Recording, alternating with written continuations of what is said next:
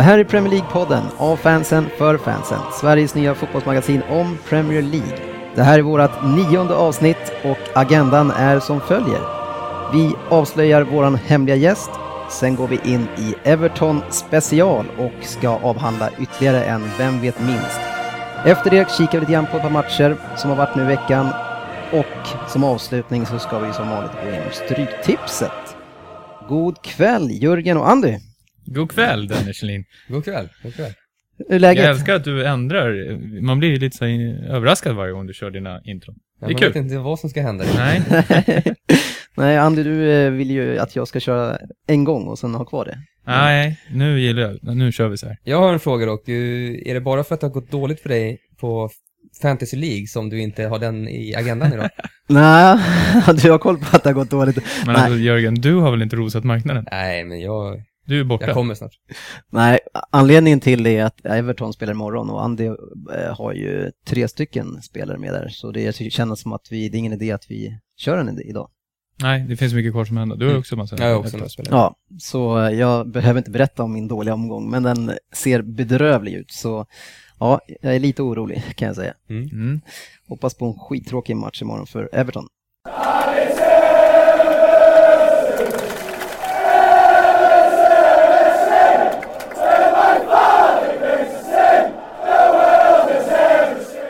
I veckan nu så har vi ju släppt våran eh, första hemliga gäst som har blivit klar. I alla fall gäst av lite dignitet.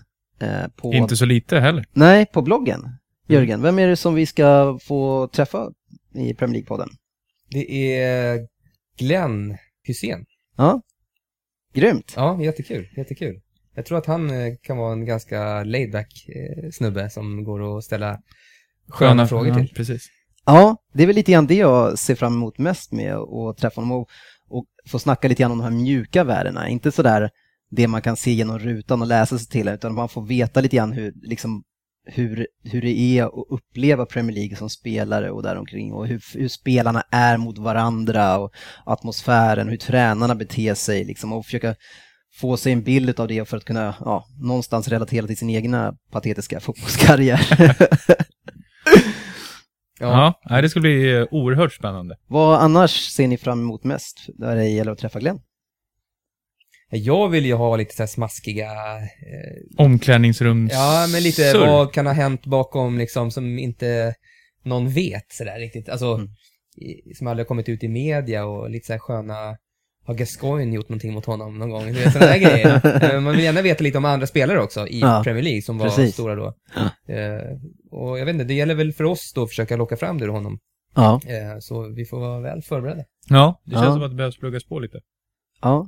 Och vi tar gärna era lyssnarfrågor till honom om ni vill. Så skicka gärna eh, förslag på frågor och sånt som ni undrar till dennis at premierleaguepodden.se.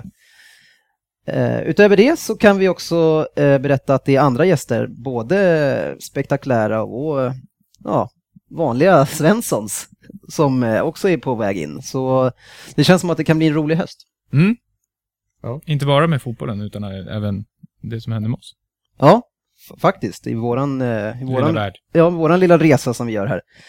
Men med det sagt så hoppar vi direkt in i, i veckans avsnitt och nu har vi ett Everton special. Och det har ju varit extremt mycket Everton tycker jag i varenda avsnitt för att ni kan ju bara inte hålla er för att jämföra allt med någonting i Everton. Everton är det enda lag som är obesegrat och ett bra lag ska ju få mycket tid i en sån här Ja, Så ni menar att när ni börjar förlora då slutar ni prata om Everton? Mm, nej. Alltså, ju- nej, alltså de, i de två första omgångarna där, när, när, när det var 0-0 och 2-2 så pratade vi inte så mycket Everton. Men sen Nej. har du ju ändå vunnit mot Chelsea, har vi gjort. Och då har det Mm. blivit lite mer. Ja. Nu har vi... Nej, vi det, West Ham. ja. Enkelt. Nej, men det, ni får ett Everton special här nu så då får ni ju prata av er ordentligt. Ja, Jag tänker så här att vi brukar ju börja våra specialer med vår tävling Vem vet minst? Annars så kanske det är risk om att, för att vi pratar om någonting som, som är en av frågorna och det vill man ju inte. nej. Det var Eh, nog en jättestor risk faktiskt. Ja. Det skulle kunna ske. och den här gången så är det vår största förlorare, Andy, som har på två torskar hittills, eh, som har förberett frågorna, så nu eh, slipper du en tredje förlust. Ja, det ska vara mycket till att jag ska förlora den här omgången. ja, då ska det vara riktigt dåliga Ja. frågor. Nej, det känns som att Jürgen eh, har allt att förlora i den här matchen om eh, Everton mot mig. Ja, så är det nog. Framförallt för, eftersom att du förmodligen har läst på lite också. Jag tror att, eh, jag har ju faktiskt gjort ganska svåra frågor. Eh, det kan, jag hoppas att det inte blir allt för mycket att någon gissar fel och sen så vinner den andra. Men det kan nog bli mycket sånt. Ja. Jag bara lägger ut det i luften. Ja, men vi, eh, vi hoppar rakt in, Andrew. Nu kör vi igång. Yes. Vem vet minst? Vi börjar med fråga ett här då. Eh, vad kallas Goodison Park? Det här ska ju du veta i alla fall. Nej men alltså man ska kunna. Alltså- man ska i alla fall kanske ha, ja. Vad den kallas för. Får jag ge en, en liten en tips? Ja, en, ett Så kanske tips. någon kan då. Ja, Om, om ni tänker Juventus, kanske ni får en, en liten... nej, det ringer ingen klocka alls. Men du hade ju med dig sju, åtta frågor, så Ja, ni hoppar den. Vi passar nog på ja, det vi passar Ja. på den Så där. kan du få ge oss rätt svar. Eh, Grand Old Lady kallas Goodison Mhm. Park. Vad är det? Gamla damen för Juventus då. Ja, just det. Mm. Nej, den har jag aldrig läst. Okej, här får ni alternativ, alternativ så att det här tycker jag att ni borde klara av i varje fall. eh, vad var Everton som klubb först med att introducera inom fotbollen? Var det nummer ett, hörnflaggor? Nummer två, nät i målen? Nummer tre, siffror på ryggen på spelarna? Oh, det är ganska stort alla tre alltså. Ja, Där kan vi ju klappa oss om bröstet. Ja. kan jag säga att två är påhittade. ja. Eh, Det är bara ett rätt svar, Jörgen. Ja, jag säger Dennis då. Jag chansar. Mm. Jag går vild här. Jag, jag chansar på siffror på ryggen. Det är det. Yes, då är det nät i målen. också. Snyggt Jörgen. Bra det- ändå ja. att de kom på det, för det var ju skitjobbigt att gå och hämta bollarna varje gång. När var det här då? Nät i målen? Det var en- kanske 1907 eller något sånt. Mm. Så det tog ändå typ 10 år, så när de Mm. körde och kutade hem bollen. För 1890 någonting startade det ju i Everton. Då skulle man ju verkligen behövt någon måldomare som såg om vilken sida ni gick om verkligen stolpen. Han har själv spelat några matcher utan, utan det Var det någon som, var någon Everton som, var det någon Everton som uppfann nätet också eller? Precis. Han var även fiskare. Ja, nej, det, det förtäljer inte st- historien. Ehm, då kommer en fråga till utan eh, alternativ. Eh, vilket är Evertons dyraste spelarköp? Och sen lägga till eh, från vilken klubb. Men det är bara en liten kuriosa. Om man klarar den. Eh, Vänta nu, så ska vi se i år. Fan. Dennis kommer ju bara vänta ut det, Jörgen. Ja, vänta då. Alltså, Ja, men- ju- Men vad har de köpt nu som var, ja. då är det McCarthy. Ja, Det var han jag tänkte på Där också. är yes. fel. Är det 1-1 då, eller? Ja, lätt. Ja, men då är, var det. Jelavic då från Glasgow? Nej. Det var Marwan Fellaini för den runda summan av 15 från miljoner pund. eh, Från eh, Standard Le- Liège. Bra, bra. Du tog Ja. klubben. Ja, men tack Jürgen. Då är det 1-1. Jag har för mig att det snackades om att eh, McCarthy... Det var för att uh, Fellaini hade en 4 miljoner extra, någonting, någonting extra. Mhm. Så det vart eh, mer. Men McCarthy var ju 13 miljoner pund. Ja, bonusklausuler. Ja, någonting sånt. Mm. Ehm, då ska vi se, här kommer en svår till med, med lite alternativ. Mm. På Evertons emblem finns ett torn. Namnet på tornen. På tonen? Mm, tornet. Tornet. Shit, vilka svåra frågor. Mm. Nej, ingen aning. Ja. Nej, men det får ju tre alternativ, så Ja, då blir det lättare. Nummer ett, Prince Rupert Tower. Nummer två, Prince Albert Tower. Nummer tre, Prince Johns Tower. Ja, jag säger Dennis då. Nej men, jaha. Ja, den är som sagt. jag säger John. Didi. Fan! Då var det Albert eller? Nej, Prince Rupert's Tower. Fan, den var den jag trodde minst på. Ja, jag Den har en jättestor histor- historia om man läser mer på här. Och- Fast hade du trott att han skulle komma på namnet Rupert själv? Ja, men jag tänkte att det var så fult, så jag tänkte att... Jag drog till med, efter de här med lite Albert, jag vet inte, kändes som. Ja, Ja. sant. Här kommer någonting som ni kanske skulle klara av Två då, ett. utan, utan alternativ.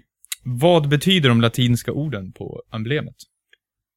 Som för övrigt är Nilsatis Nisi Optimum. Jag, Jörgen, endast det bästa är bra nog. Det- Nothing but the best. Ja, det är snyggt. Fan, jag var inte ens nära på någon fråga. Nej. Är det klart alltså? Ja, det är tre Vi tar den sista bara för att. Ja. Utanför Goodison Park, det här kanske du har från din eh, påläsning, finns en staty av Dixie Dean.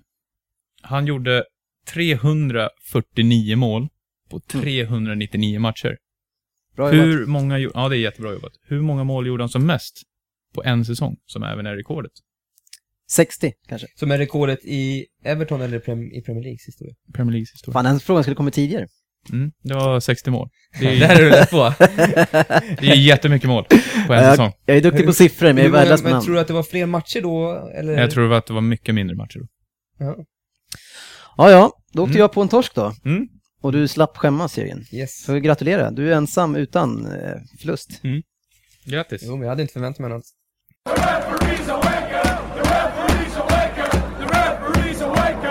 Då går vi in i, i en annan punkt som eh, också har blivit återkommande, som eh, Andy så fint brukar på. Dennis historia. Precis, och jag försöker plocka fram någonting eh, intressant om alla klubbar. Eh, Det behöver kanske inte alltid vara jättemycket historia, men eh, försöker hitta någonting som man inte kanske vet. Och det jag har tittat in lite grann på just vad det gäller Everton, det är ju rivaliteten och eh, derbyna som spelas i eh, staden Liverpool. Rivalitet mellan klubbar gör ju oftast att eh, matcherna blir mycket mer intressanta att kolla på, för det, det är ju så mycket mer som gäller, som står på spel när sådana lag Mm. spelar Mm. liksom, mot varandra. Eh, ofta är det ju så att man växer upp i en stad och, en, och då finns det ju, kan finnas två storlag, nu finns det ju som i London en miljard lag, men och då väljer man oftast en sida och så identifierar man sig med det laget. Och då blir man ju, man får ju en tillhörighet och det blir liksom vi och det blir dem. Väldigt mycket. Eh, och det har vi ju även i, i Sverige såklart. Något som jag kan tycka är fascinerande ibland, det är sådana personer som inte har vuxit upp i staden. Om man är till exempel en svensk Everton-supporter, Jörgen. Varför har man då ett sånt agg till Liverpool? Nu tycker jag ju att Liverpool är bara äckligt för att de har massa äckliga spelare i laget. Det har de ju verkligen och det, är inte, det tycker jag inte bara för att jag är Everton-supporter. Men alltså, de har spelare som springer runt och bits och eh, bara är allmänt eh, fula och dåliga. Men, eh, nej, jag känner nog inga agg mot liksom, eh, Behöver vi spela Annars? upp eh, det du sa förra podcasten, att du hatar Liverpool? Jo, jag hatar dem. Eh, nu, alltså det här. Ah, okej. Jag vet att jag har kollat, alltså i början av 20, eller när, när stryktipset där i 90-talet, så, då Mm. kollade jag en del och tyckte Liverpool, hade- de var ju liksom sköna. Mm. Men jag gillar inte de spelarna som de har nu. Nej. Och framförallt att de inte får ut något oftast av spelarna som de värvar. Eh, och jag tycker inte, jag hatar inte fansen här i, Nej. Sverige. Så vi tror att vi är inte nära. Det är inte så många som tycker illa om ert lag, Everton. Och det kan ju finnas flera orsaker till det, men jag tror att den främsta är väl att det är väl egentligen inga fans som känner sig speciellt hotade utav Everton. Och därför så blir ni ganska trevliga och mysiga. Mm. Eller? Mm. Kan det inte ligga någonting om det? Att Everton-fans, de är liksom välkomna i alla lägen. Så Så länge... jag tror att eh, de kanske, eh, många, om du tänker på supportrarna eller Ja, du på... supporterna och, eh, ja, och laget också egentligen. Det, är, det hänger Jag tror ihop. att det är många som kanske inte har någonting sådär liksom agg mot Everton. Men jag tror att Nej. det är många som kanske har, eh, tycker att det är jobbigt att komma och spela i. Ja, absolut. För det är ju ett svårt lag att möta. Men det är, det är inte som sagt, det, de är ju aldrig uppe och nosar på en första, andra plats. I Nej. alla fall inte de senaste 25 åren. Men eh, om Everton skulle börja vinna nu eh, två, tre år, säger vi, bara hypotetiskt sett, tror du att man då skulle förändra sin syn på er som Everton-supporter och bli mer aggressiva mot er? Du har ju ledande frågor. Du tänker på att vi hatar Manchester City nu. nej, nej, nej, jag bara, det är liksom det där, just att Men, Everton känns lite, Alltså, att man jag, inte... jag tycker så här att om kollar man på Evertons lag så har vi liksom inga spelare som, som man kan hata riktigt. Alltså, eh, det finns inga, ingen buse riktigt sådär. Nej. Det finns ingen, alltså profillöst egentligen. Alltså, Men det är inga divalater, kolla, liksom. Kolla på våran bästa spelare, Leighton Baines, som är liksom en tillbakadragen eh, Beatles-snubbe typ. Mm. Eh, han är ingen som kan hata honom. Nej, det är Eh, så är och jag menar, om man jämför man det då med Liverpool som har Suarez som är bara, som jag tycker de själva borde hata. Mm. Eh, så är det en helt annan, eh, en helt annan inställning också i laget. Det är väl för att vi inte är så, Mm. så stora, alltså stjärnstatusen är så stor. Så de, de tar jobbet för varandra, de gnäller inte på varandra. Det, det är ett skönt, skönt gäng. Mm. Rivaliteten är ju faktiskt mycket mindre än vad det är i andra städer. Eh, och skälet till det är ju faktiskt ganska logiskt. Eh, det finns ju inga stadsdelar på det sättet. Everton och Liverpool-fans är inte uppdelade, utan man bor överallt. Och i många familjer så är ju då är det nästan delat vilka man håller på. Det finns säkert de som går på båda matcherna. Eh, och man, man läser ju och hör ofta om stora stjärnor i det ena laget som egentligen säger att de var fans från det andra laget. Eh, och det har ju också gjort att det här Merseyside-derbyt, att det har kallats för the friendly derby. Ja, den hätska stämningen har väl blivit mer på plan Precis. de senare åren. Everton började ju faktiskt att spela på Anfield Mm. Men eh, jag tror att det var efter de hade vunnit ett år så fick de eh, en hyreshöjning Mm. som var ganska rejäl och då valde man att dra därifrån Mm. till Goodison Park. Och det som inte jag visste det är att Goodison Park ligger, ja, jag, jag har sett lite olika uppgifter, men mellan 60 till 800 meter bara ifrån Anfield. Så de, de är de är en park emellan liksom. Mm. Så, eh, men eh, som du säger så på planen så är det ju tuffare. Mm. Och är man domare i de här matcherna då får man ju plocka med sig hela kortleken. Ni upplever ju de här derbyna på ett helt annat sätt än vad jag gör som inte är supporter något av lagen. Är det så att det är stenhårt, alltså är det, är det schysst hårt? Eller är det fult på planen? Hur skulle ni säga att de här derbyna är? Alltså det har ju gått upp och ner. Som ser man, man till förra årets eh, två derbyn så var det ju ganska snällt Mm. jämfört med förr. Men Mm. det är ju otroligt roligt när det smäller och det är oftast ganska fult. Jag har ju på näthinnan när Gerard ger sig in liksom med båda sträckta ben med Ja. dobbarna rakt in och får inte, jo han fick gult kort fick han. Mm. Men det var ju bland det fulaste man har sett i tacklingsväg. Mm. Och jag vet ju att eh, Merseyside-derbyt är ju det derby som har gjort, fått mest röda kort i historien genom alla, alla derbyn Mm. i, eh, i England och alla, alla andra ligor. Det är deras ut mest röda kort. Mm. Så, eh, Men det kan väl ha att göra med att nu är det ju kanske lite, lite färre. Eh, Liverpool hade ju mycket engelsmän också tidigare, eller från öarna i varje fall. Och Everton har ju alltid många som är från Liverpool. Mm. Så då är det klart att, att de piskar väl upp stämningen lite grann också. Att Gerard spelar fult kanske lite är beroende att han är från Liverpool, så han vill väl kanske inte förlora just mot Everton. Det blir ju så. Mm. Men sen i och med att det har kommit in, Liverpool är lite av en främlingslegion nu, så att jag vet inte hur många engelsmän som de har kvar. Det är väl ja, typ Mm. han och Henderson typ. Och sen så har de någon ung spelare. Mm. Ja, Sturridge är ju engelsman. Men eh, det gör ju också att det kanske blir lite mer hetsk stämning på planen, känns Ja. som. för två år sedan kommer jag ihåg, då var det ju, eh, när det var ett Merseyside-derby, då, då tog det, jag tror det tog 13 sekunder sådär innan första gula kortet var utdelat. Och sen bara fortsatte Så får det. jag rann det på. Och det var liksom, men där måste du ha en domare också som kanske tillåter lite mer, men samtidigt försöka hålla ner. och För du kan ju inte börja egentligen efter 13 sekunder och dela ut ett gult kort. Nej. Eh, då, då, då håll, satte du ju ribban direkt. Ja. Eh, så eh, det var väl lite dumt av honom, men det har varit ganska roligt alltså, eh, när det händer lite sådana här saker. Mm. Mm. Everton har ju inte gått så bra senaste tiden med de här derbyna. Men det har ni kanske koll på. Mm. De har inte vunnit de senaste sex eh, kryss har vi matcherna. väl fått då. Ja, men torska säkert fyra tror jag. Mm. Eh, och i no- november är det dags igen och eh, återigen när vi ska träffa Glenn så eh, tänker vi att det här kan ju vara en, en sak som vi kan prata mycket med honom om och fånga upp stämningen lite grann inför de här derbyna. Ja, det vore kul att se, höra hans eh, Uppfattning. syn på hur de här derbyna är. Ja, det var väl egentligen det som täckte in Dennis historia, lite sådär varför och, och hur, eller, och lite vad som eh, ligger bakom de här derbyna och hur stämningen är. Mm. Men det var ju jättebra att du tog upp poängen där med vänliga derbyt. Att, Mm. att liksom, det kan sitta två röda tröjor och sen sitter det tre blåa och Ja. två röda precis bredvid. Och det blir ju liksom inget, ingen tjafs. Jamie Carragher har ju en egen pub. Ja. Eh, Han är ju Everton-fan från början. Han har en egen pub eh, som har Everton och Liverpool i samma pub, alltså sektioner. Ja, Där, mm. där de sitter tillsammans innan matcherna. mm. Det skulle inte kunna hända i, i Stockholm känns det Ja, inte så många städer tror jag. Nej, Eh, jag vet inte någon. Rivaliserade klubbar, så det är ju det är trevligt. Mm. Eh, Evertons storhetstid eh, var ju annars den senaste gången i alla fall, så om man ska ta någonting som är nära oss i tiden så är det 80-talet.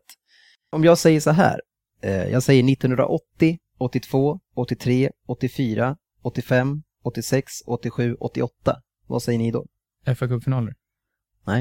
Det är de åren som staden Liverpool har tagit hem, eh, alltså det som var, det var inte Premier League då, men engelska ligan. Mm, det var väl, Liverpool hade ju sin storhetstid då Ja, också. och samtidigt, så staden Liverpool tog ju hem i stort sett varje år. Mm. Det, det hade inte jag koll på, att det var så extremt dominant.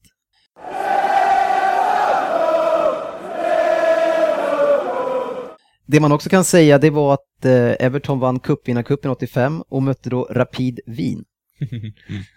det kan man inte se att det skulle kunna hända nu i, i den moderna, alltså penningförändrande Nej, fotbollen. Precis, det var inte så mycket pengar då, då var de väl rätt jämlika kan jag tänka mig. Det såg man väl även på Göteborg som kunde vinna Ja. Precis, och, och, och vilka lag som Göteborg mötte i slutspelen. Det var ju mycket skotska lag och eh, även de här eh, Young Boys och Rapid, alltså från Schweiz och Österrike. Grasshoppers. Ja, men precis. Och det är ju inte på världskartan att det skulle hända nu. Nu när Basel tog, eh, slog Chelsea så är det en superskräll. Mm. Men det är ingen som skulle kunna tro att Basel skulle kunna gå hela vägen. Nej, definitivt inte. Nej, på Nej. den europeiska fronten har det Det- hänt ganska mycket. Men om vi hoppar in i 2000-talet då, som eh, vi i alla fall känner, känner och kommer ihåg mer utav. Eh, David Moyes tog över 02 och egentligen från 03 så har det bara varit stabila tabellplaceringar på övre halvan. Eh, vad är det som gör att de har varit så eh, konsekvent bra trots ändå ganska små eh, resurser? Ja, de har väl haft eh, den lilla plantskolan och sen så, sen har väl haft, eh, Moise har ju haft bra inflytande med att spelstilen och sen eh, att alla sliter för samma sak känns som. Det finns inga, Mm. inga direkt divalater i ett lag som Everton. Det finns inte plats för det. Nej. Inte, inte under Moyes-eran i varje fall. Så det kan jag se vara en av orsakerna. Men det jag minns när jag, när jag tänker på Everton, det är att det känns som att varje säsong så började de urkast. Och sen var, på sen höst och vår så var man grymma, men att man alltid var, det var liksom nästan Mm. krisstämpel Mm. inför varje säsong. Varför var det så? Ja, alltså det där är ju märkligt. Nu har ju även Manchester United börjat väldigt dåligt under Ja. Moyes. Och Ja, är det för någonting med hans eh, försäsong som, han kanske tränar ner gubbarna, för han sa ju själv att de hade haft en väldigt tung försäsong Ja, eh, i år också. Jag vet inte om han har något upplägg där som gör att de är väldigt nedtränade i början och sen kanske blir bättre ju mer säsongen, säsongen lider. Men, För i år så har vi börjat bättre. eh, Everton började ju väldigt bra förra året också faktiskt, innan han, eh, det var typ första gången på ja. massa år som vi gjorde det. Eh, Men det är ju Felainis stora år kan Ja, man säga. Det var, han var, var mycket bakom den utvecklingen. Mm, definitivt.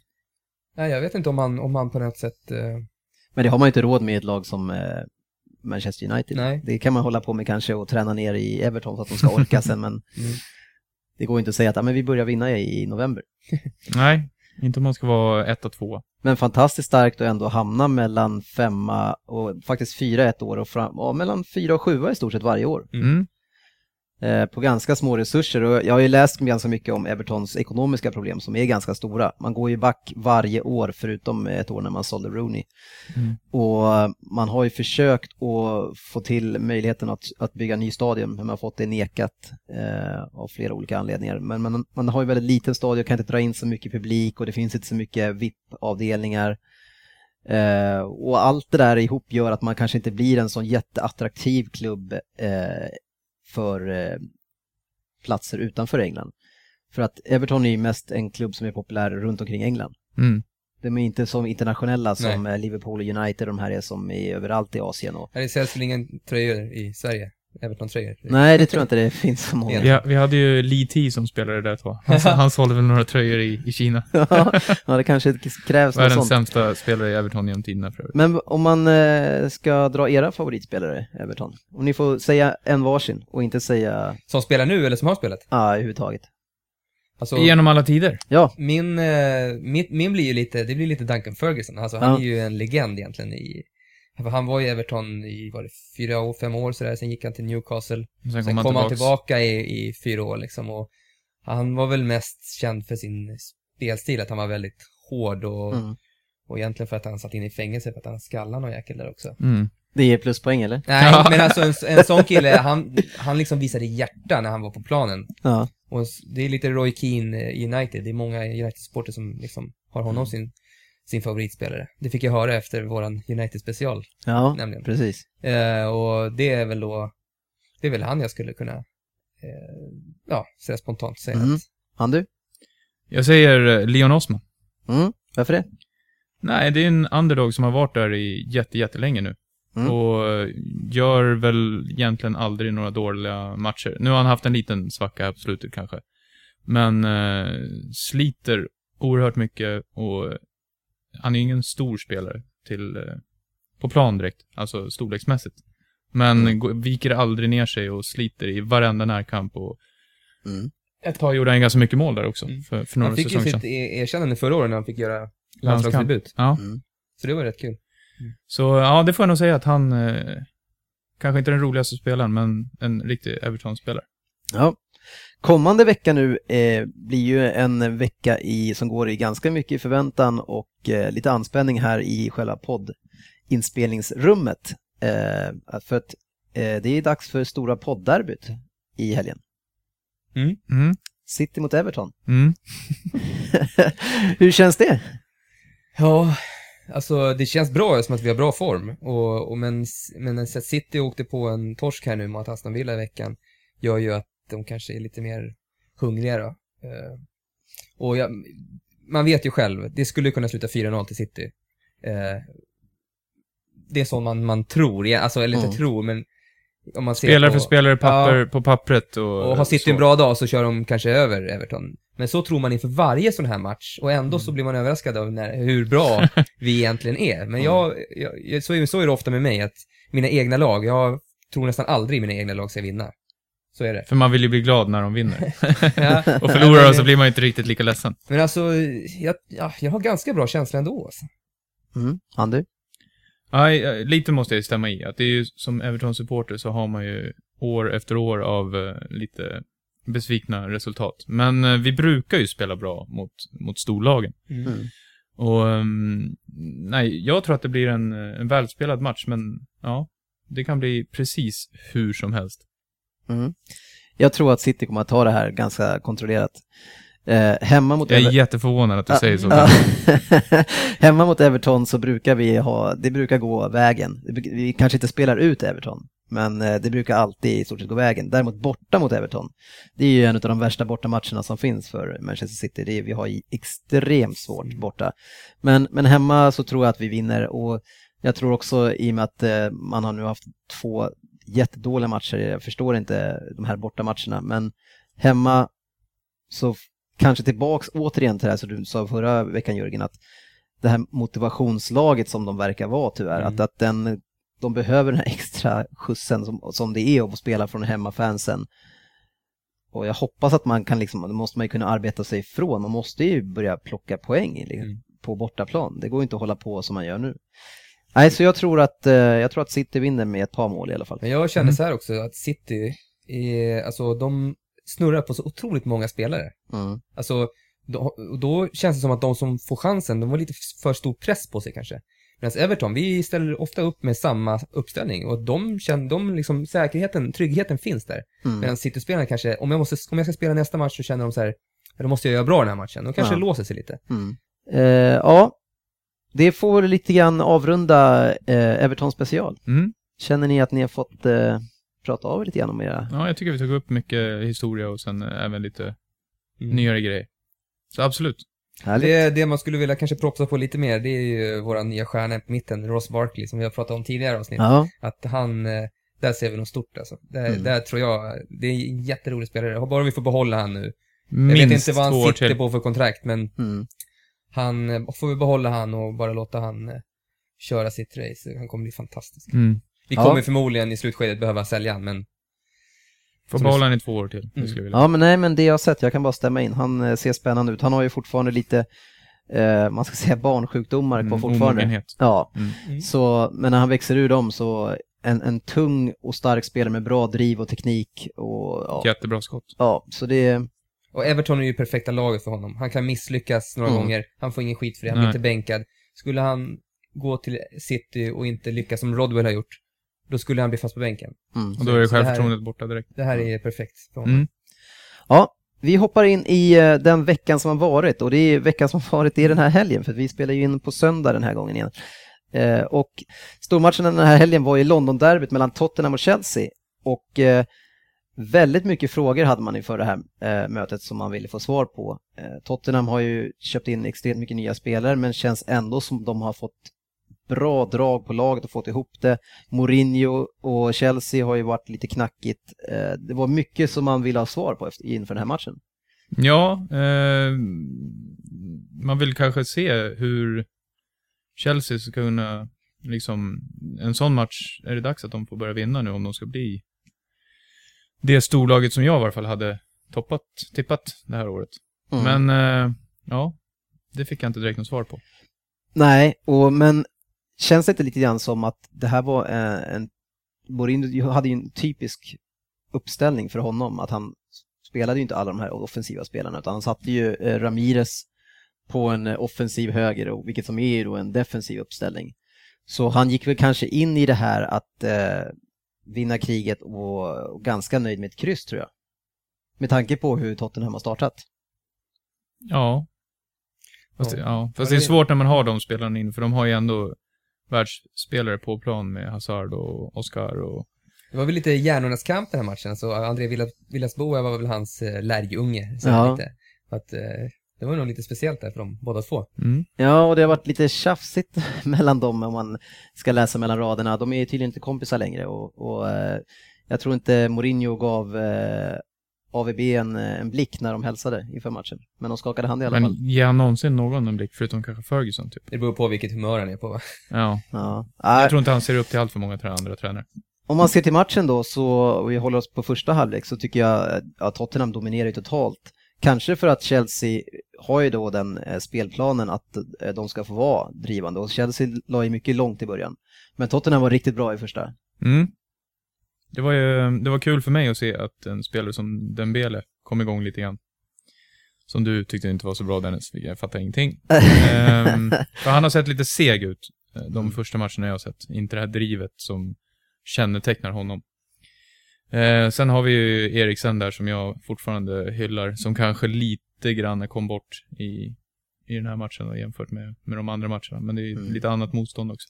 Men jag vet inte, jag tror att Tottenham kanske inte har hunnit vänja sig vid hans spelstil och hans kvaliteter än. Att man inte förstått riktigt hur mycket han kan bidra med om han får bollen lite oftare.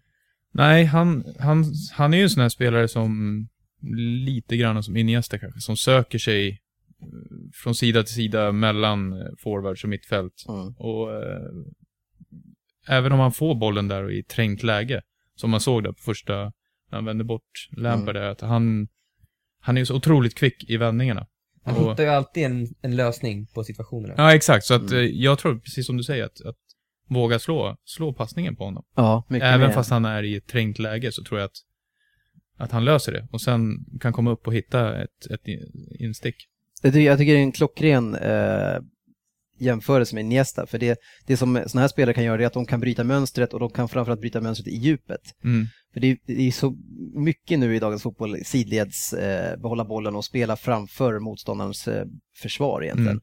Men den här spelaren, han, som du sa mot, mot Lampard, så gör han en snabb riktning och sen så har han brutit, så han brutit mönstret. Mm. Och så har vi Mm. målet efter det. Ja. Eh, och även i hans passningsspel så hittar han ofta den här utmaningen, alltså på djupet. Mm. Så, men men eh, lite för sällan med i spelet bara, tyvärr.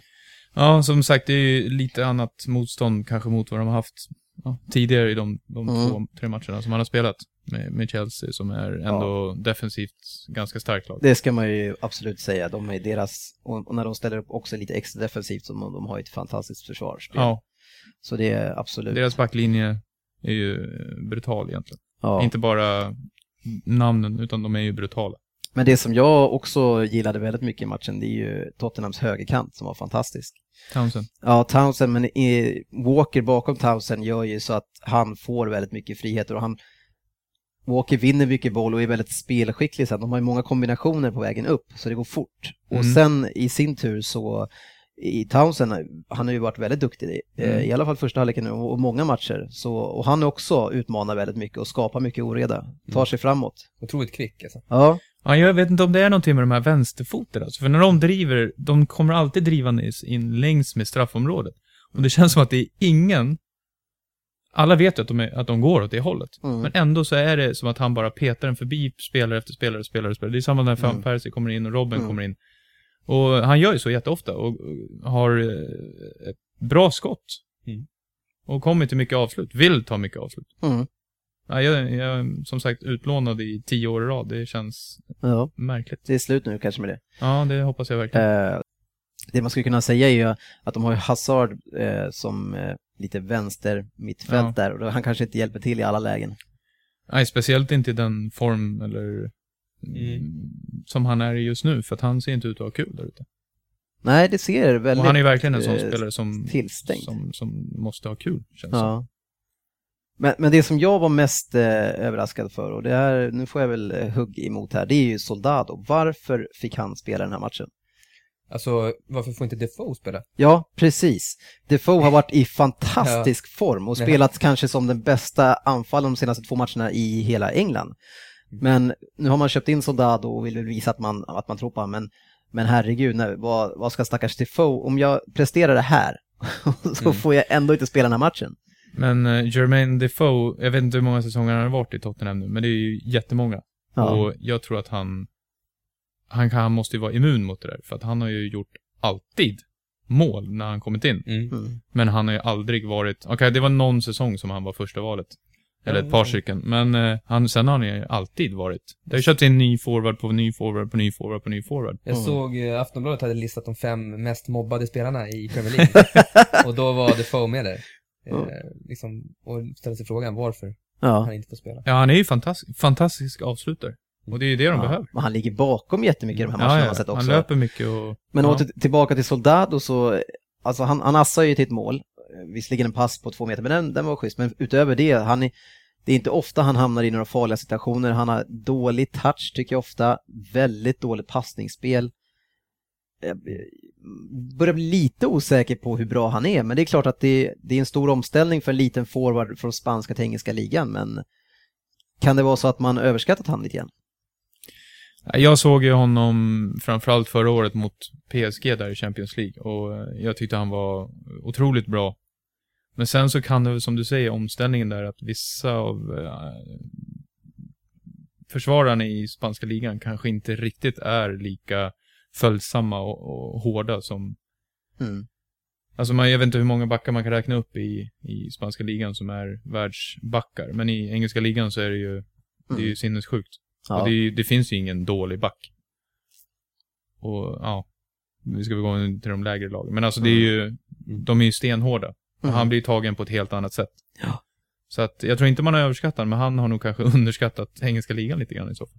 Mm. Ja. Eh, andra halvleken då så eh, stoppar ju Mourinho in. Nu fick ju, Mata var inte ens med i truppen förra matchen, men den här gången fick han sitta på bänken. Och nu har jag hört varför han inte har fått spela och det är tydligen för att Mourinho är väldigt kritisk till hans försvarsspel när man tappar boll, att han är alldeles för dålig i det spelet. Och de vill kunna vinna bollen på ett aggressivt sätt snabbt och det är, där faller inte riktigt Mata in under den eh, Så vem spelar de istället för honom i den rollen så? Ja, det har ju varit eh, Oscar som eh, han har pratat om att det ska vara han som... Eh, nu eh, i, till andra halvlek i den här matchen så eh, vill jag minnas att både Oscar och, Has, och, och, Mata spelar. och Mata spelar. Och när Mata kommer in, då eh, förändras ju matchen helt. Ja, jag vet inte om de där argumenten som Mourinho då ska ha känns ju inte direkt jättelogiska. För han har ju inte, han är ju inte liksom bollvinnartypen och har väl aldrig varit, ska inte vara. Nej. Han ska ju ha Nej. bollen på offensiv planhalva. Mm. Och, och kunna göra lite grann som, som Eriksen insticken där. Mm. Och göra lite det här irrationella. Han har ja. en otrolig blick för spelet. Men jag tror att om jag nu ska försöka vara Mourinho så man kanske inte kan ha för många sådana spelare. Om man nu vill ha ett aggressivt försvarsspel och vinna bollen snabbt, då kan man inte både ha Oscar, man kan ha Hazard, Mata, bara sådana spelare som inte eh, kanske jobbar. Och, Fast de, har ju, de spelar väl med Mikel och uh, Lam, Lampard då. Precis, och men de, men de är lite mer sittande längre bak, de vill ju vinna bollen snabbt. Och då har de här tre eh, lite finlirarna längst uppe, då, då kan ju motståndarna ta sig ganska långt fram innan det kommer den här hårda pressen som jag misstänker att eh, Mourinho är ute efter då.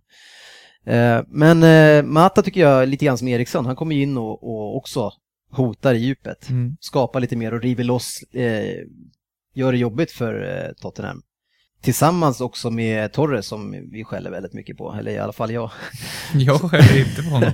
Jag står by Fernando Torres for, forever. Han sliter stenhårt den här matchen, eh, men lite grann också som, eh, som i Soldado.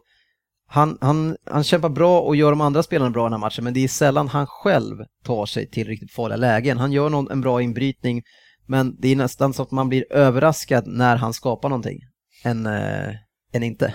Ja, det var ju annat för tre år sedan när han liksom kunde göra allting själv egentligen. Men nu så kan han ju inte det. Eh, han, nu får han leva på sin, att han sliter liksom. Mm.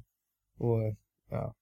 Ja, det är ju för mig som alltid har hyllat honom så är det, det gör ju ont att se att han kan ju inte lyckas med i stort sett någon dragning eller eh, väldigt få passningar heller. Nej.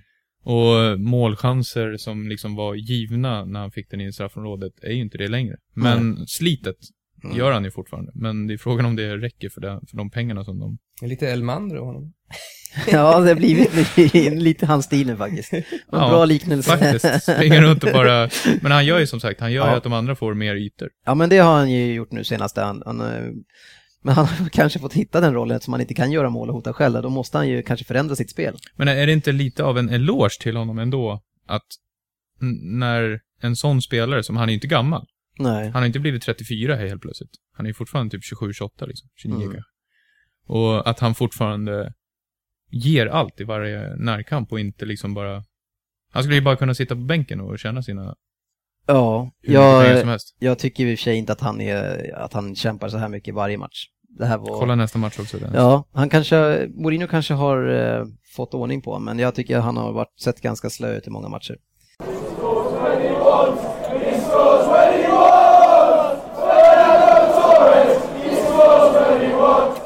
Avslutningsvis bara eh, målet som eh, Chelsea gör. Ser ni markeringen på Fertongen? Så bara skiter i Terry när han sticker iväg och ska Mm. nicka. Han bara, han bara stannar till och bara låter han springa och nicka in den. Men inte... Först trodde jag det var lite offside. Är det inte- är inte offside? Nej, Nej, det var det inte. offside. Fan, jag tycker Nej, det var ju jättesnyggt gjort. De har ju, eh, jag vet inte vem det är, men de, jag tror att det kan vara Dembele, det är någon som de trycker ner, alltså handgripligen, trycker de ner Mm. honom i, så att de andra kommer nedanför allihopa, så de pressar ner offside-linjen. Nej, jag trodde också att det var offside först, men det var inte offside. Eh, men man ser så tydligt, jag tänkte, vad, vad var det där för mittfältare eller forward som släppte honom bara sådär? Och så är det en mittback som gör så. Mm. Det är ju alltså, Mm. jag hoppas i sådana här eh, professionella lag att man tittar på situationer efteråt och bara liksom, vad fan håller du på med det gör man definitivt. För att det, så där får man inte göra. Nej. Man bara ger bort hela matchen. Nej, jag tycker ju Fertongen eh, har ju varit en, en spelare som jag har gillat tidigare, men kanske inte lika mycket efter den här matchen. Men, Ja, nej, äh, så, märkligt. så får inte ske. Men 1-1 blev det och ändå tycker jag, eh, om man bortser från sista 10 minuterna när Torres eh, felaktigen, tycker jag, blev utvisad så var det ganska rättvist. Mm, Hade en halvlek kvar. faktiskt. Eh, ja, vi går vidare. Vi ska väl, eh, det var väl egentligen den matchen som var stora, men vi kan ju inte hoppa över att United förlorar hemma mot West Bromwich. Ja, och den här gången kan vi inte skylla på att de inte spelade de mest kreativa, offensiva, roliga spelarna, utan de var ju där allihopa. Ja, nu hade ni era favoriter, både Kagawa och Andersson Ja. som ni har pratat om. Men Mm. Nani fick ju spela, men Ja. jag kände lite så här att, eh, försöker Moyes göra lite som, som Ferguson gjorde, att han ska ha den här rotationen, som Mm. eh, Ferguson var väldigt känd för att ha, och lyckades ju alltid med sin rotation av spelarna. Att Mm. Han fick alltid, kunde alltid byta ut några och de presterade likadant. Nu bytte han ju ut ganska många. Eh, Det var ju när Nani fick starta, Kagawa fick starta, eh, Anderson. Chicharito startade, Anderson startade. Och jag tycker eh, West Bromwich vinner ju fullt rättvist. Ja, ja, ja, absolut. Mm. Jag, jag får ju eh, rätta dig lite grann Jörgen, att, att det han gjorde var att han inte böt ut, för att i ligacupen mot Liverpool så spelar han nästan exakt det här laget. Så han, jag antar att han tyckte att de här vann den här matchen och då får de chansen igen. Jo, men mot eh, ligan då tänkte jag. Ja, men ligan så böt man, men just i veckan innan då. Men det var ju på onsdagen de spelade, det var ganska tajt att spela exakt samma lag som spelade onsdag, onsdag, lördag. Men är det verkligen det? Eh, De kanske har legat i ett isbad i två dagar, fått massage i en dag och sen eh, Ja. käkat kockmat i en dag. Jag tycker verkligen inte att det är... Nej. Nej, man kanske kan ha lite större Det är inga krav på dem. 42-åringar som är i sitt... De är i och för sig inte i sin tipptopp-ålder här. Nej. Nej. 38 till 40. Nej, jag, jag, kan, jag köper det. Men, men eh, vad håller de på med United? Alltså, ja, jag vet inte om, har de blivit, har backlinjen linjen blivit lite äldre kanske? Och inte lika, alltså du såg ju när de lyfte upp bollarna på Anishebe på topp. Han tryckte undan backarna som om de vore myror. Och Ja. bara tog ner dem på bröstet och kunde få, de fick upp bollen väldigt lätt på det sättet. Ja. Och så, sen utgick de därifrån, så hade de några sköna lirare som kunde göra, alltså, målet är ju fantastiskt. Ja. Det ja. första. Amalfitano. Ja, tunneln han gör på Ferdinand, det är Ja, och sen just det, Lite för lätt. skottfinten och allting. Det är ju förnedrande. ja. ja, riktigt, Nej, men just, just backlinjen där. Eh, nu spelade ju Johnny Evans, bara för att han spelade i ligacupen. Och i ligacupen så gjorde han väl okej ifrån sig. Men eh, det finns ju inte direkt mycket kontinuitet i backlinjen. Phil Jones, högerback.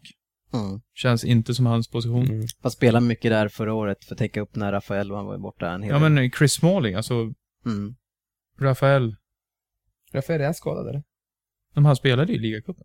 Det var inte hans brorsa, var inte det Fabio? Nej. Nej, det var nog, han är nog tillbaka. Han har varit skadad. Men, eh, Ja, jag vet inte. Det känns inte som att backlinjen är... Och sen Buttner som är spelare istället för Evra. Det är inte Ja. riktigt samma... nej. Nej, jag, men vi har ju känt varenda match att de ser så jäkla sega ut. Mm. Det är inget drag och nu byter de ut nästan hela laget och, och de ser fortfarande sega ut. Mm.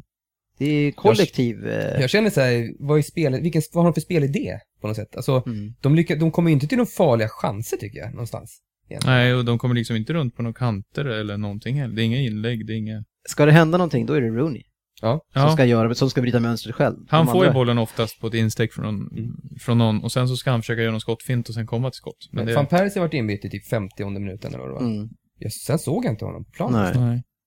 Han, jag vet inte om han fortfarande är skadad eller något, om han känner att han måste få in honom. Ja.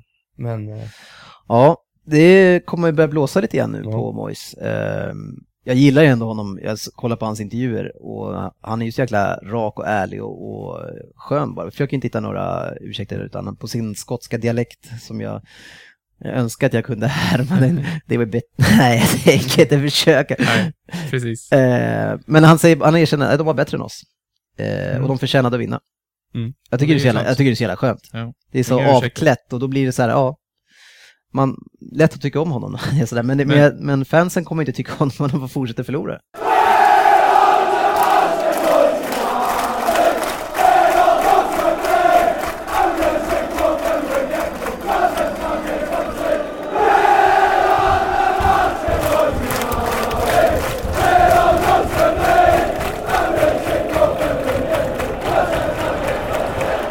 Liverpool spelar idag och eh, vann med 3-1 mot ett Sunderland som eh, inte får igång det.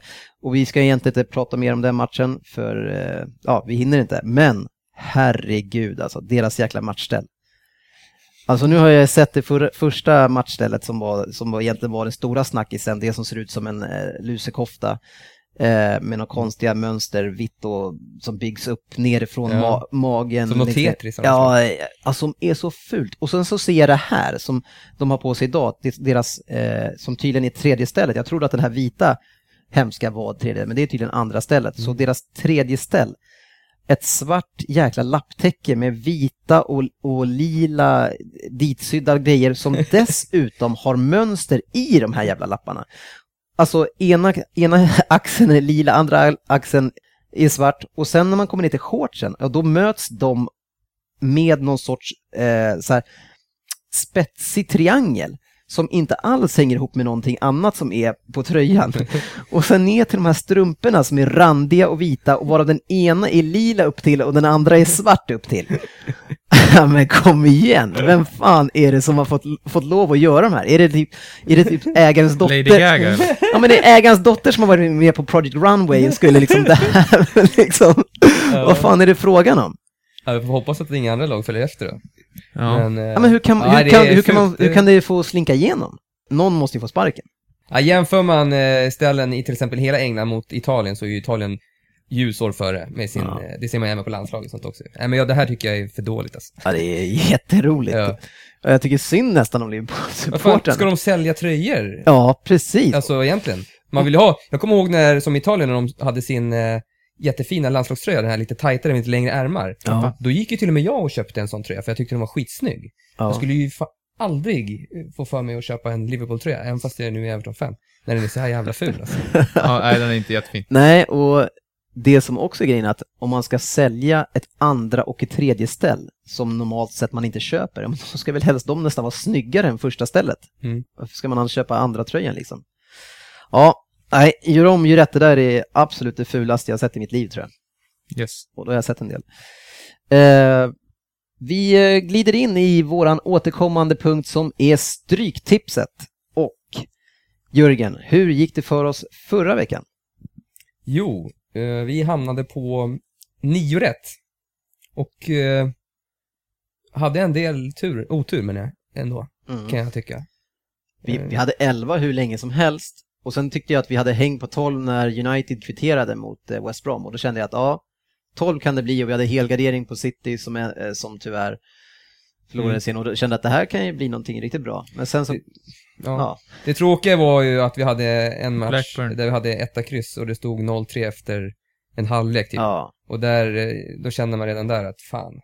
Men vad är det för fel på, på Bournemouth? Ja. Vad är det för jäkla lag? Ja. Det är liksom himmel eller helvete varenda match. Ja, vi måste nästan fattar- dem. Ja. Jag fattar inte hur det kan skilja liksom 5-1, alltså och sen åt ena eller andra hållet och så, ja, Ja, verkligen märkligt alltså.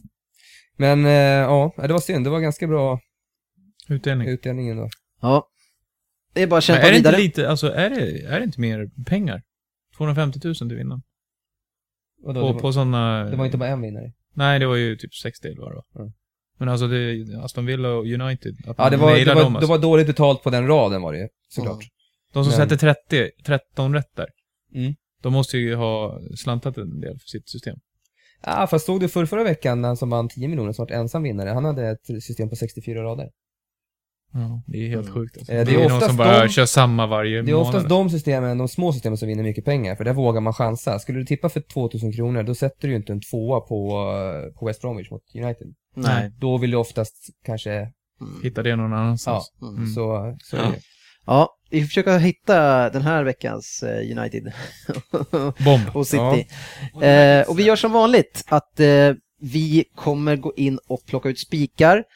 Ja, ja, jag kan gärna börja. Mm. Jag börjar i match 1. Där jag har en spiketta på Cardiff hemma mot Newcastle. Eh, I brist på andra spikar, för det är en väldigt svår omgång ska jag säga. Ja. Mm. Och jag tror att Newcastle inte är, de är inte, de är inte bra alltså. Det är ett luftslott. Eh, precis. Ja. De förlorade ju mot Hull hemma förra veckan va? Mm. Eh, nu har de en viktig match imorgon då, mot Everton. Och jag tror att de får ju pisk där också. Och Cardiff vann ju borta senast mot Fulham och ändå Krigar. kriga till sig. Och, Mm. ja, Ja, jag har också spikat den här, men eh, också på samma sätt som du resonerar att det känns lite osäkert att spika nykomling Cardiff, men på en svår kupong så känns det här som en bra chans. Ja. Ja, jag hade ätit kryss, men eh, det hade ju varit jättetrevligt att se eh, hur det går imorgon för Everton Mm. Newcastle. Den Om de lyxen vinner, har vi Newcastle inte. vinner med 3-0 imorgon, då är det ju helt plötsligt en helt annan... Nej, fast ändå inte. De kan vinna 3-0 i match, sen förlorar de. Det är som Bournemouth lite. De Upp och ner. är väldigt ojämna alltså. Ja. Mm. Det är för lite hjärta och för mycket fransmän. ja. Ja. Hjärta finns det i Cardiff så det räcker och blir över. Ja, det tror jag. Ja, nej, men vi ritar in den Köper va? den. Jag kan ta nästa. Mm. Eh, och då hoppar vi ner till match fyra, Liverpool Crystal Palace. Och Palace eh, känns ju bara som att de gräver en djupare djupare grop nu. Nu eh, har det börjat rasa, känns som.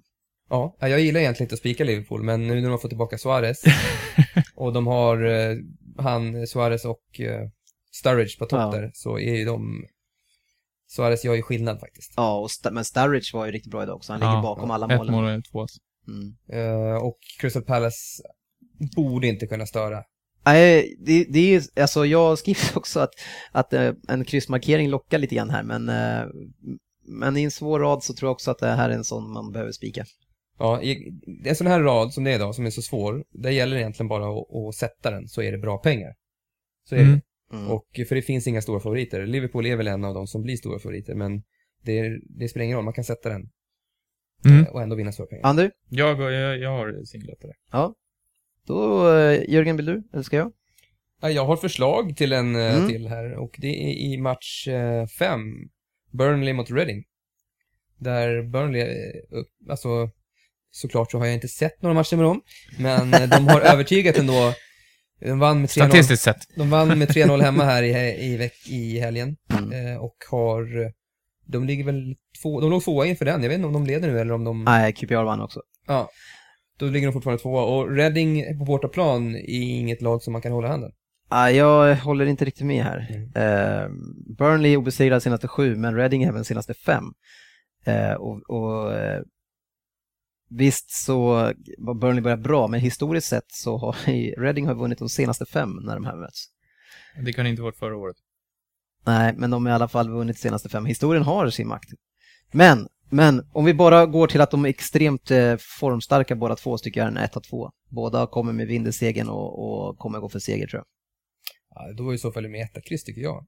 Alltså Reading vinner inte mycket på bortaplan, känner jag. Och ett starkt Burnley, hur ska du, nej. Nej, där, där måste jag lägga in mitt Men vadå vinner inte bortaplan? De har ju fan vunnit senaste fem matcherna. Tror du att det är bara ja, hemmamatcher men då får du se vad de har mött också. Det är inte Burnley direkt de har mött på bortaplan. Nej men ska du berätta då vilka det är? Jag har inte det i huvudet, men Nej. jag vet att... Men, Nej, jag köper inte den där, eh, men... eh, nej, men vi ska stå på oss har du sagt. Ja, absolut. Och vad har Andreas på den här matchen? Jag har en singeletta. Ja, Ja, jag kommer inte köpa den i alla fall. Ingen singeletta på den. etta kryss säger Louis. Nej, men då får ju Dennis använda sitt veto och ta en 1-2. Nej, men vi får se. Vi släpper den i alla fall. Det är spikarna vi kör nu. Ja. ja, det är bra. Nej, men jag har en annan då. Får jag ta en till? Nej, nu tar jag nästa. Okej. En som är lite spännande och det är match 6. Derby mot Leeds, en etta. Eh, två extremt formsvaga lag som inte har vunnit på jättelänge. Leeds förlorade igen nu mot Will, Millwall senast. Eh, men där Derby har vunnit de fem senaste gångerna de här har mötts. Och det är ju då, de möts ju hela tiden här nu. Och det med hemmaplan så tycker jag det känns som en skön spik. Alltså det här, det här är en sån här match som luktar kryss tycker jag. Alltså två dåliga lag som möts och där det har då, båda har gått dåligt, som egentligen måste gå tillbaka till grunden och försöka bygga, Bygga nytt. ja, och ska aldrig våga spika en sån här match. Nej, det, alltså det finns ju så många andra som är extremt svåra. Jag tycker att det är, just med tanke på historien och, och, Du med och din jävla historia alltså. Ja, historien. Den får du inte nämna något mer där. den funkade jättebra när Newcastle spelade borta mot Villa. Ja. Och då lyssnade ni inte. Jag har kryss 2 på den här matchen. Jag eh, ser Leeds som ett, eh, ett, ett skräll-lag i den här matchen. Som, De är- som Jörgen säger, det De är två, skitdåliga. två inte Ja, jag starka lag. Jag är etta kryss. Ja. Så vi lämnar väl den här matchen då. ja, vi lämnar den då. Då får jag ta min nästa. Ja, ta du din nästa. Då har jag en enkel tvåa i match 8, Sheffield Wednesday mot Ipswich. Sheffield Wednesday förlorade i helgen hemma mot Doncaster, eh, där jag hade Doncaster som eh, spelförslag, men fick inte in det riktigt. Nej. Eh, Dennis ville ha enkelkryss där, och det gick tydligen igenom. Men eh, Sheffield Wednesday är helt katastrof, och Ipswich har ju faktiskt gått bra. Ja, helt okej. Men Sheffield Wednesday krigar ändå till sig en hel del kryss. Även mot lite bättre motstånd. Så jag tycker att det är lite farligt och jag har lagt en kryss 2 på den. Jag har enkel 2 på den också. Jag gillar Ipswich. Ja, jag vet att ni gillar Ipswich. Ehm, Samma här, jättesvårt att hitta andra spikar, känner jag. Mm. Men jag tycker, ehm, om vi, vi kan hoppa tillbaka till den strax, jag tycker match 11 och match 13 i sånt fall är två möjliga spikar. Där vi har först match 11, Doncaster-Leicester, som Leicester har varit i, i extremt bra form. Och vinner allt. Eh, obesegrade sista fem och nu kanske det är så att det här är deras år. De har ju haft några år de har försökt. Eh, och sen så match 13, den tycker jag är den säkraste på kupongen. Queens Park Rangers mot Barnsley. Eh, de går som tåget och Barnsley, de, de åker på stryk utav alla och med mycket dessutom. Fyra raka förluster och kommer inte ha en chans mot ligaledaren. Ja, där har jag en etta också på Queens Park. Ja, det skulle jag väl kunna tänka mig att ha också. Men eh, inte en tvåa på, på Leicester. Mot Doncaster som ändå har... Vad säger du Andy? Jag har ett kryss 2. Vad fan. Jag ser det som en jätte... Men vi kan spika ettan i sista matchen. då. Ja, QPR. men då hoppar vi upp igen. Vi börjar från början på raden och så får vi se var vi eh, landar. Ja. Eh, och då har vi spikat match 1 och då hoppar vi in i match 2, Fulham mot Stoke. Mm. Eh, Stoke förlorade ju igår. Hem, idag. Hemma mot Nor- Norwich. Ja, 1-0. Och, eh, Äntligen börjar de förlora en massa matcher. ja, och Stoke är inte, de är inte bra alltså. Nej, och Fulham är ännu sämre. Ja, så vad göra? Ett kryss två säger jag. Jag har en etta 2 på den. Det känns som att det här är, det kan bli vad som helst. Ja men Stoke är Den sådana tråkiga lag bara. som skulle kunna liksom fixa ett kryss på bortaplan Ja, också. eh, och Stoke skulle ju mycket gärna eller, kunna vinna den här. Ja. Alltså, Ja, men jag, jag, ett kryss två. Jag, jag har ju lagt ett system med, jag har tror jag tre helgarderingar Mm. i mitt förslag. Eh, nej, 432, men det har vi råd med eftersom vi har lite vinster kvar sedan Mm. tidigare. Nu säger jag inte att vi måste ta det, men jag, jag tycker att den här matchen är omöjlig att säga och då tycker jag vi ska köra en ett kryss två. Jag håller med. Mm. Trevligt. Då har vi match tre. Hull Aston Villa och där tycker jag också att det är Ja. helt omöjligt. Eh, Villa vill inte föra matcher eller verkar inte kunna klara av det. Man spelar i bortaspel även hemma när man möter eh, i alla fall City i de här lagen. Mm. Och man var ju extremt effektiva mot City. De hade ju typ bara de chanserna man gjorde mål på. Eh, men man vinner ändå. Och, eh, men Hall också bra form, vinner både borta och hemma. Mm. Ja, ett kryss två. är mitt tips. Med andra ord, jag har ingen aning hur det här slutar. Ja, nej, alltså det här är ju helt, helt omöjligt. Alltså. Jag har ju propsat fast han vill. Nu är ju Benteke borta fortfarande. Ja, Och jag tycker verkligen att den här Kocak, eller vad han heter, han har inte riktigt... Nej, alltså, nej, det, jag, det lutar mer åt en etta tycker jag. Så jag, skulle- jag skulle nog vilja ha en etta kryss i så fall på den här. Jag har rätta kryss på den också. Eh, Så kan vi spara helgarderingen lite längre ner. Hall, Hall är ju... Stabil här känns Ja, jag... Jag, tyck, jag tror att Aston Villa kan vinna den här matchen också. Nej, jag tror inte att de vinner För jag tror att de kommer att spela... just såna här matcher. Men, men Hall har ju blivit ett spelförande lag med de här mittfältarna, alltså med Huddeston. Man, man ha- har ju mycket boll. Det kommer att göra att det passar i Aston Villa och lägga på sina omställningar och kunna få vara det här laget som de är mot de bättre lagen, att de kan ställa om och bara spela sin grisfotboll. Fast jag tror inte Hall anfaller på ett sånt sätt som, som till exempel Manchester City och Chelsea, de här lagen gör. Utan det är ju, de är fortfarande ormgropen där bak liksom. Så att Ja. eh, det är svårare för ett lag som Aston Villa att komma igenom mot, mot sånt. Ja, vad säger du Jörgen? Nej, jag känner att det finns andra matcher som är värda att helgardera istället. Okej. Ja, jag ger mig. Men jag ska komma ihåg den här sen och Ja. smsa dig Mm, direkt. ja, så. precis. Och skriva så här, jag, jag vill minnas att jag hade. Ja, Det är det enda som alla skriver hela tiden. ett kryss vart det där. Yes, då hoppar vi ner till match 5 som vi inte kom överens om. Och jag skulle nog vilja ha en 1-2 här. Eh, I och med att de är så väldigt starka båda två i form nu så tror jag att någon av de här kommer Det kan ju vara en procentare, Jörgen. Jag tror att de kommer vinna, någon av lagen kommer vinna det här alltså. Kommer nog vara ganska jämnt, tror du det? Jag, alltså... Ja, Jämnt tror jag inte att det är efter Burnleys. Nej. Burnley har ju varit fantastiska hemma. Så att jag tror att det var- kommer vara mycket... Jag är ju såklart, alltså jag hade ju en spiketta här, så jag kan ju sträcka mig till kryss kanske, men en etta, två, alltså det luk- luktar mer kryss än tvåa då tycker jag. När det är en sån här jämn match, när det är två bra lag, som helst. Det kan ju bli så att det blir små, målsnålt på 0-0. Går du med på att äta kryss? Eller? Jag har också singlat på den. Ja, jag tycker att det är en rolig 1-2 när två lag har gått så extremt bra. Och jag, tror, jag tror på en segrare i Det är ju matchen. två vinnande lag tydligen, så att... Ja, jag tror på en segrare i matchen. Jag tror inte att det är, Jag tror antingen kom, något av lagen som kommer verkligen lyckas, tror jag. Ja, hemmalaget då förmodligen. Ja, kanske att de är, men det är en bra, det är en bra gardering på tvåa. Har vi råd med den så tycker jag den ska vara där. Etta, kryss, två? Nej, 1-2. Ja, men nu lutar det ju mer, mer åt ett kryss, eftersom att han har spiketta och jag har etta, kryss. Ja, men jag kanske får med så mig vi ska inte nu lyssna på det alldeles för mycket längre. Nej, men vad säger du Andy? En tvåa, två vinnande jag, lag? jag, jag kan faktiskt gå med på att det är två vinnande lag. Ja men herregud alltså. I en sån här topp, det brukar ju, det ser man ju i Premier vi- League. är det två bra har- lag som möts, då Då är det tar vi tvåan kryss. som en, en parentes. Tottenham Nej. Chelsea 1-1. Nej. Det är kryss, luktar kryss. Du Det- kan inte det är en- det är en men det är- är två ettor här. Ja, men det är en gardering på den här matchen i alla fall. Det verkar vi vara överens om.